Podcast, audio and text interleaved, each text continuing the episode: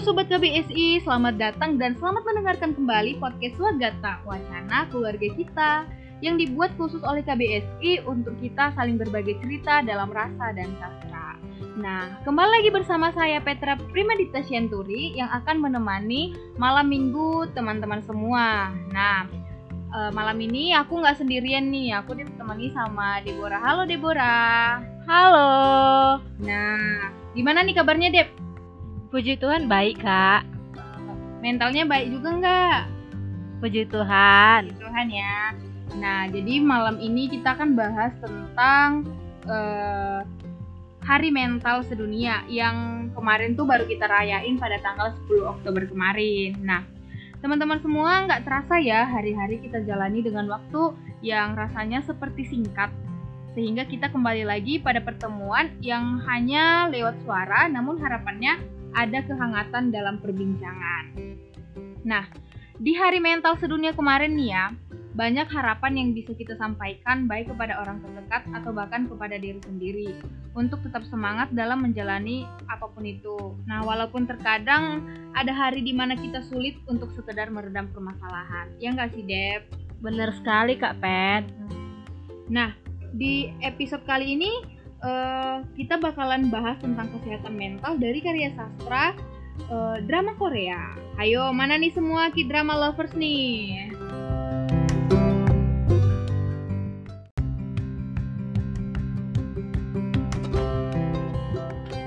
Deborah uh, Korea drama lovers gak sih, Deb?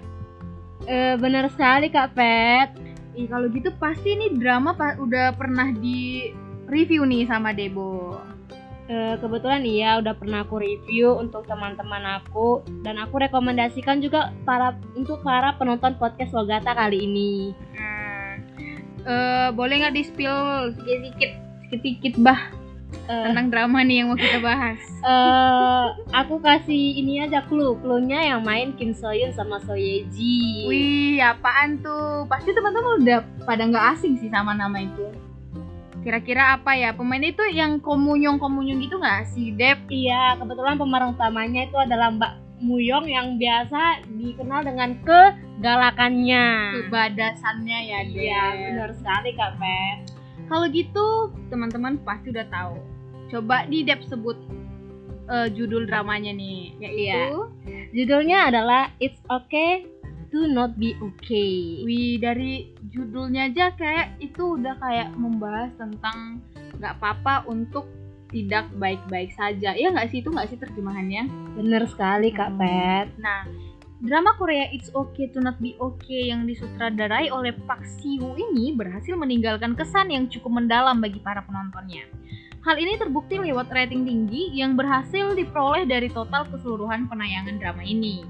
Drama ini juga tak hanya berpusat pada kisah kelam para pemeran utamanya saja, tetapi juga banyak memberi pengetahuan singkat mengenai ragam kondisi psikologis yang dialami oleh pasien yang menetap di rumah sakit jiwa Oke, nah untuk itu kita akan membahas drama ini lebih jauh.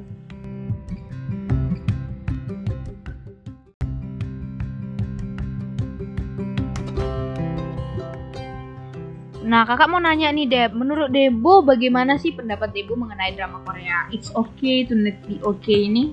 Menurut aku sih, eh, drama ini cukup mampu menyadarkan kita kalau kita itu nggak apa-apa kalau kita itu nggak baik-baik saja. Itu poin pentingnya sih. E, dan juga gimana ya? Karena kan juga ini juga bisa drama ini kayak bisa memberi kita dorongan motivasi untuk kita lebih semangat hidup gitu kan bener banget jadi uh, Korea ini menyadarkan kita bahwa tidak apa-apa untuk tidak baik-baik saja terus tuh drama ini juga mem, uh, memberitahu kepada kita bahwa kita yang sedang mengalami uh, down mental itu tidak sendirian gitu. Jadi mari kita sama-sama berjuang untuk uh, menyehatkan mental kita masing-masing nih ya, Kak.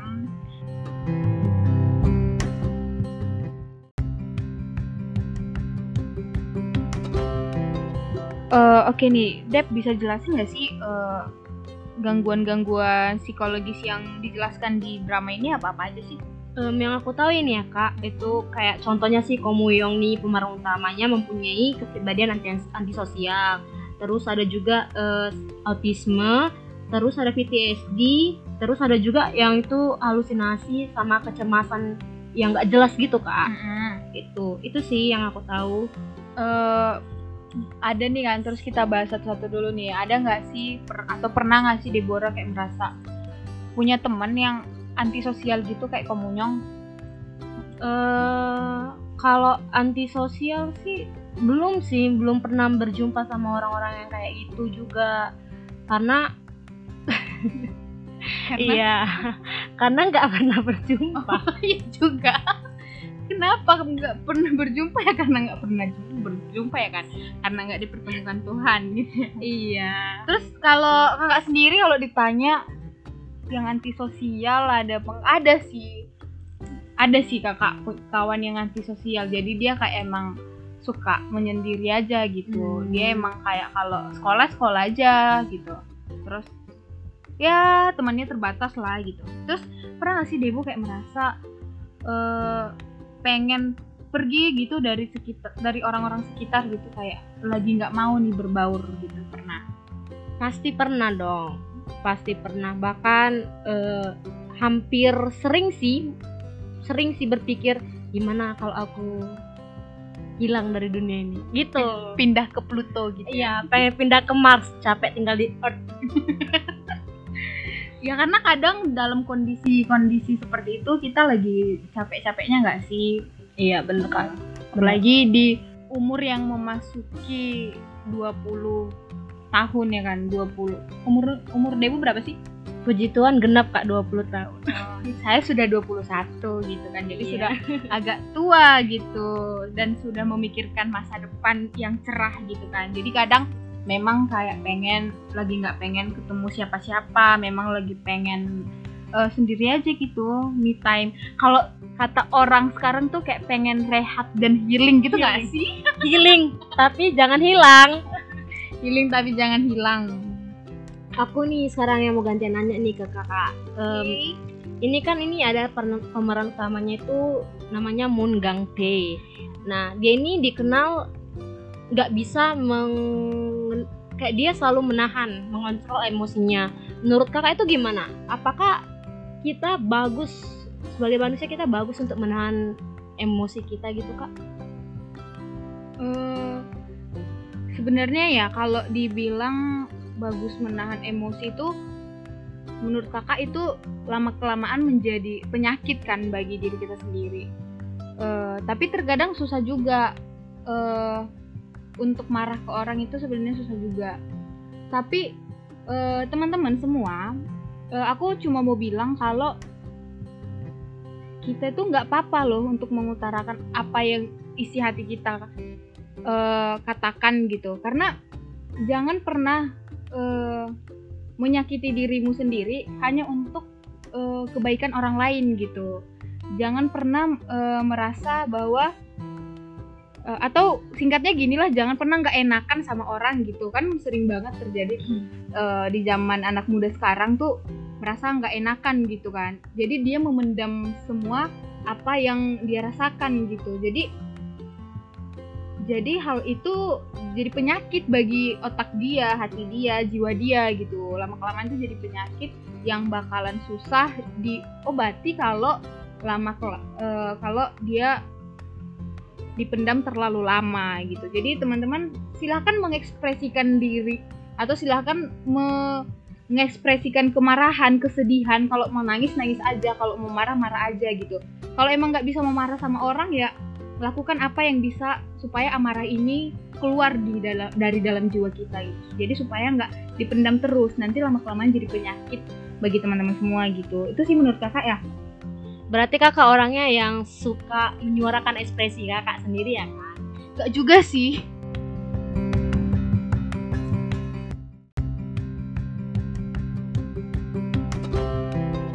Nah sekarang aku mau nanya nih ke pribadi kakak sendiri Apakah kakak orang yang suka atau yang mau gitu menyuarakan ekspresi kakak?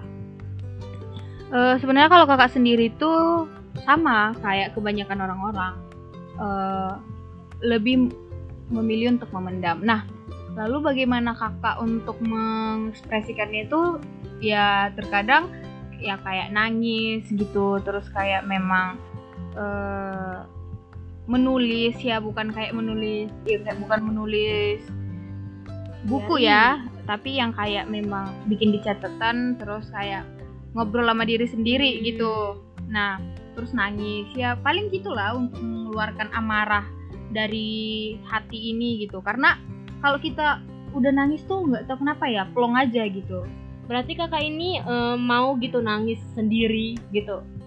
Oh jelas itu rahasia. Oh, itu itu menjadi rahasia. privat oke oke. Tapi pasti orang tahu lah ya udah, iya udah pasti tahu lah kita kan. sendiri pernah kayak nangis supaya nggak ada orang tuh yang tahu kayak ya nang pengen nangis saya gitu. Iya. kadang tuh kayak kok pengen nangis ya padahal Hmm. nggak kenapa-napa. Padahal nggak kenapa-napa. Kayak rasanya capek nggak sih sih? capek nggak sih gitu ya kan? Iya. Padahal nggak kenapa-napa tapi Hmm. pengen nangis aja gitu. Sering sih aku lakukan pada saat tidur gitu. Iya. Nggak apa-apa sih itu itu bukan hal yang buruk ya. Itu Iya. bukan hal yang itu buruk. Nggak- bukan yang buruk. Mm-mm. terus tuh eh, kalau Deborah sendiri orang yang mengekspresikan diri itu seperti apa nih? Orang yang menurut aku orang yang jadi misalnya nih ada suatu kejadian Hmm. yang membuat si lawan bicaranya ini kesal tapi karena mereka berteman Hmm. karena dia tahu itu temannya jadi dia menahan kekesalan terhadap temannya Hmm. sering kerap sekali itu terjadi di, di antara pertemanan kayak bestie Iya, sahabat-sahabatan jadi Bestie. kita nggak tahu apa rasa dari sahabat kita itu iya iya iya jadi menurutku kayak kalau kita lebih baik lebih baik nih kita terbuka sama sahabat kita kayak aku nggak suka loh kalau kayak gini gitu. Iya aku gak suka loh kalau kau gini. Coba deh kau, kau berubah gitu. Iya iya gitu gitu sih kak yang menurut aku. Terus kalau posisinya teman teman Debo itu makin kesel dibikit gituin Debo bakal kayak berarti itu aku mikir gini oh berarti kita nggak cocok nih gitu. kita tidak cocok. Iya, kita nggak cocok karena gitu ya. aku seperti ini orangnya Iya. gitu. Jadi jadi goodbye gitu ya. goodbye say goodbye itu sih jadi aku. bikin batasan ya cukup Iya. teman sama dia. Oke aku udah kenal kau lah gitu ya kan istilahnya. Oke. Benar. itu adalah cara untuk mencari circle yang baik lah istilahnya ya Benar kan. sekali.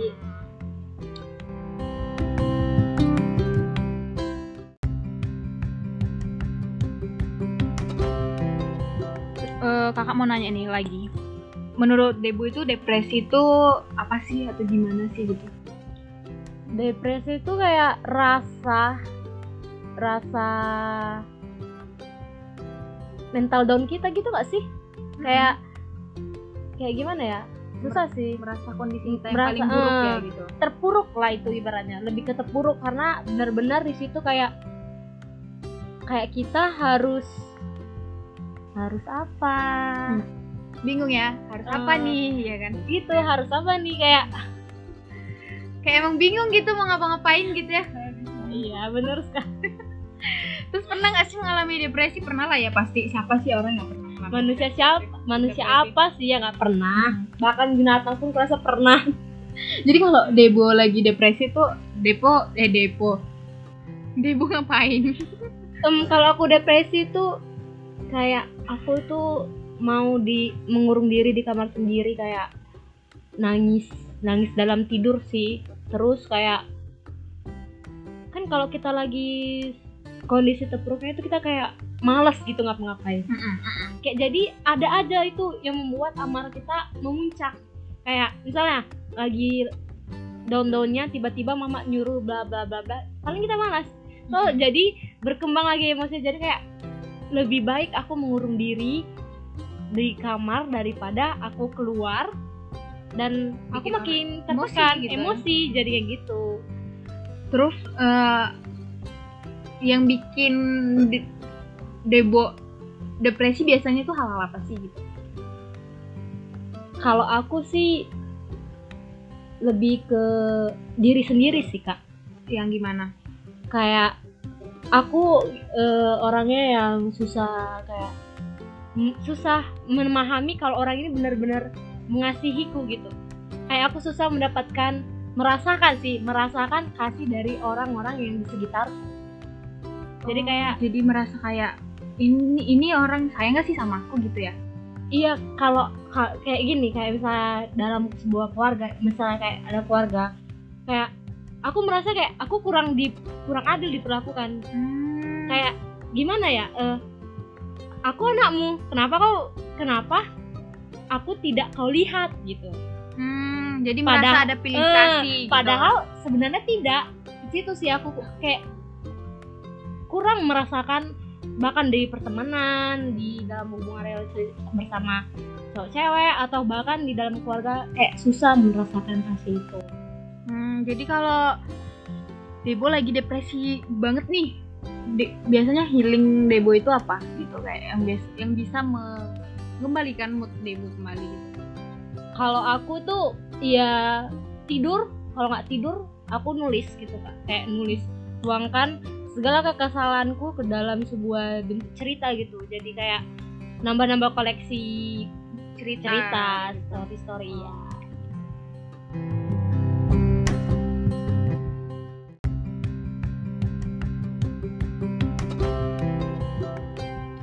Nah, itu kan tadi udah debo kak. Sekarang aku mau nanya balik deh dong ke kakak. Gimana kakak depresi itu?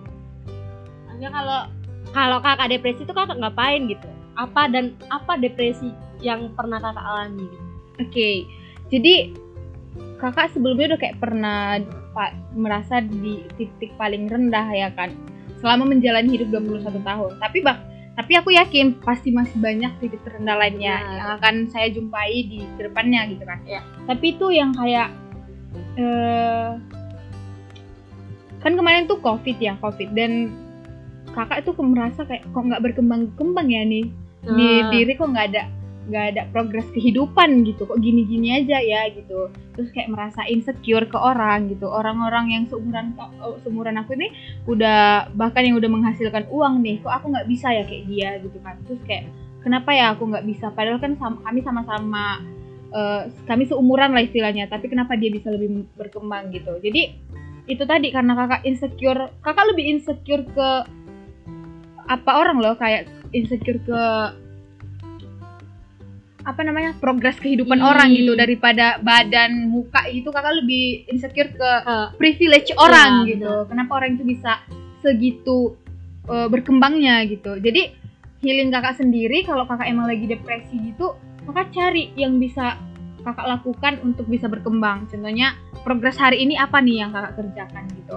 Udah apa aja nih yang kakak kerjakan tentang entah apa pun entah tentang pekerjaan rumah ataupun tugas kuliah atau organisasi gitu. Jadi ada perkembangan setiap hari yang harus eh, dilakukan gitu. Jadi kalau emang benar-benar udah capek nih capek nih ada nggak sih hasil dari capekku ini? Hmm. kadang itu sih juga yang bikin stres. Kadang kita sih udah capek kan? Kayak udah capek banget capek capek gitu. Tapi progres dari capek kita nggak nampak. Itu sih yang kayak bikin kesel gitu kayak astaga terus selama ini aku ngapain gitu? Tapi aku merasa capek.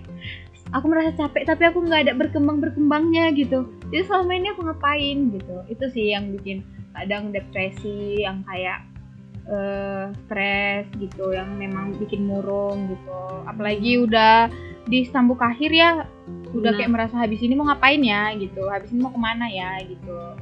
Tapi ya sekarang kakak punya prinsip kayak eh pelan-pelan gitu. Pelan-pelan nikmati semua proses. proses. Ya karena kakak juga kadang mikir apa sih yang kau kejar di depan? Hmm, gitu. benar.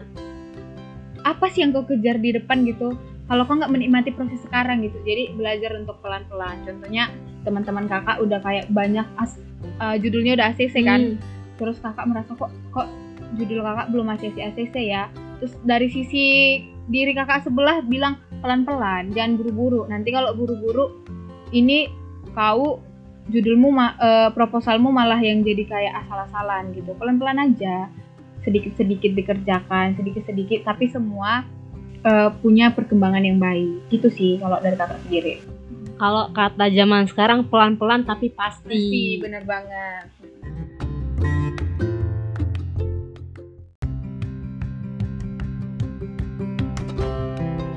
Em, jadi intinya kita itu harus menikmati masa muda kita tapi dalam arti bukan kita harus kayak eh, nongkrong terus atau kayak jalan-jalan sama teman enggak maksudnya nikmati masa muda kita dengan melakukan aktivitas-aktivitas yang positif tentunya benar kan kak Pet?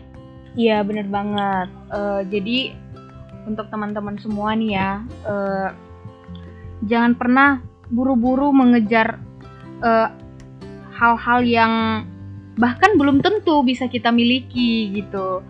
Jadi lihat aja sekarang apa yang bisa kita syukuri di sekeliling kita. Bagus untuk merencanakan ke masa depan itu adalah hal yang sangat bagus. Tapi alangkah lebih bagusnya kalau kita pun menikmati masa kita sekarang gitu.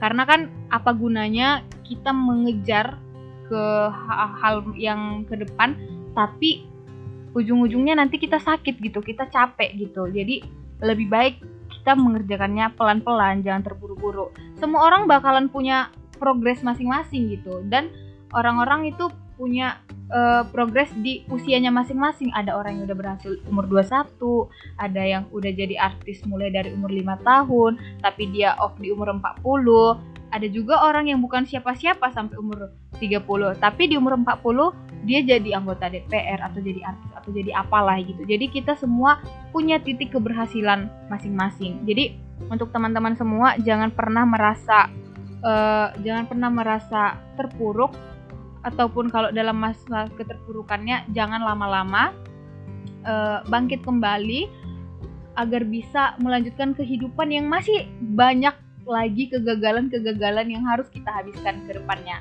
untuk mendapat keberhasilan-keberhasilan yang pantas kita dapatkan.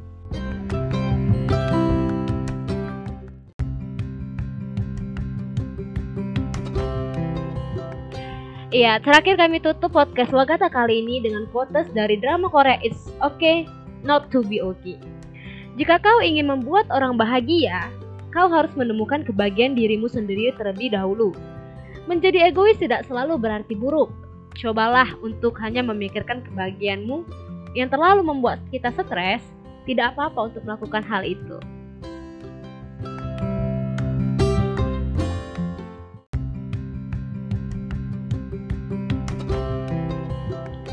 Oke, tidak terasa ya kita sudah di penghujung penutup episode hari ini.